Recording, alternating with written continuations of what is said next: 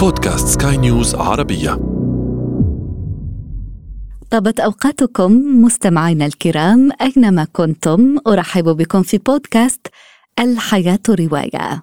عناوين زرقاء عناوين الروايات التي نتناولها في هذا العدد. متابعة طيبة. الحياة رواية. الأزرق. اللون الذي يبعث على الهدوء والحلم. مجاله الدلالي يستحضر السماء والبحر واللانهايه لون الطمأنينة والشاعريه يحضر في عدد كبير من عناوين الروايات. ونتطرق إلى بعضها في هذا العدد. كانت تصلي في كل ليلة لتحظى بعينين زرقاوين. بيكولا. كانت طفلة تبلغ من العمر أحد عشر عاما.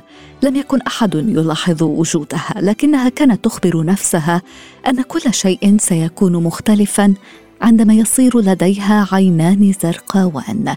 ستكون جميلة جدا لدرجة أن والديها سيتوقفان عن الشجار وسيتوقف والدها عن شرب الكحول ولن يهرب شقيقها من البيت بعد الآن لو أنها فقط كانت جميلة. لو كان الناس ينظرون إليها. The Bluest Eye أو العين الأكثر زرقة. باكورة روايات الكاتبة الأمريكية توني موريسون تتطرق إلى تيماتها المفضلة. عالم السود وعبودية المرأة الطفولة وأمور أخرى تجري جميعها على الإيقاعات المؤثرة لموسيقى البلوز. The sky is crying.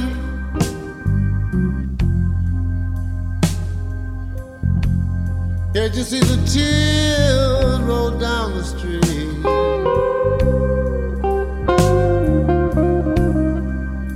تبدأ أحداث رواياتنا التالية في ثلاثينات القرن الماضي مع شخصية الابنة كي ثلاثينية مطلقة أسست شركة معمارية في لوس أنجلوس الأمريكية وكلها أمل في تذوق نجاح ينسيها طعم الانتكاسات التي عاشتها مع شريكها السابق في أحد الأيام يأتيها رجل عجوز يخبرها بأنه والدها أمام إصرار سلفادور تقبل كاي بمرافقته في رحلة بحث طويلة يخبرها خلالها بقصته المذهلة. The Blue Afternoon أو الأصيل الأزرق للكاتب البريطاني ويليام بويد روايات داخل رواية رواية عن حب كبير. تدور أحداثها في الفلبين وفي أمكنة وأزمنة أخرى. ونقرأ فيها تعرف ذاك الشعور؟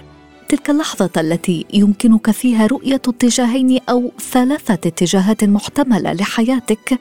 عندما تعلم أن الخيار الذي توشك على اتخاذه سيكون حاسما إن لم يكن نهائيا وليس هناك عودة ممكنة منه وان لا شيء سيكون على حاله. كما السابق mais joue pas cette musique. Tu sais bien l'effet qu'elle a sur moi. Joue pas cette musique.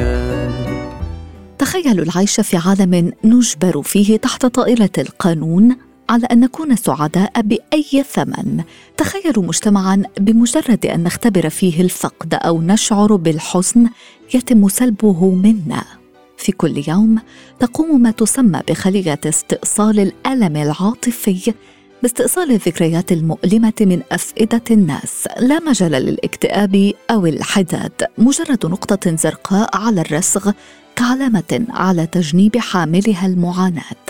في هذا العالم يعيش سيلاس الفتى الخجول الحساس مغامرة الحب الكبير مع استريد لكن عندما تموت محبوبته في حادث سياره يتم اقتياده على الفور من قبل عناصر الخلية.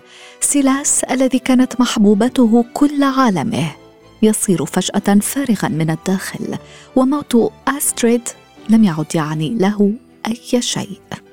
لكن الألم يجعل منك حيا كما يرد في رواية بلو للكاتبة الفرنسية فلورنس اتكيل الحياة رواية. وفي ختام هذا العدد أشكر لكم وفاءكم وطيب إصغائكم مستمعينا الكرام. بإمكانكم تحميل هذا البودكاست عبر منصات أبل وجوجل وغيرها حيث بإمكانكم أيضا ترك آرائكم وتعليقاتكم ومقترحاتكم. كنت معكم أنا إيمان جبور. يتجدد لقاؤنا في العدد المقبل.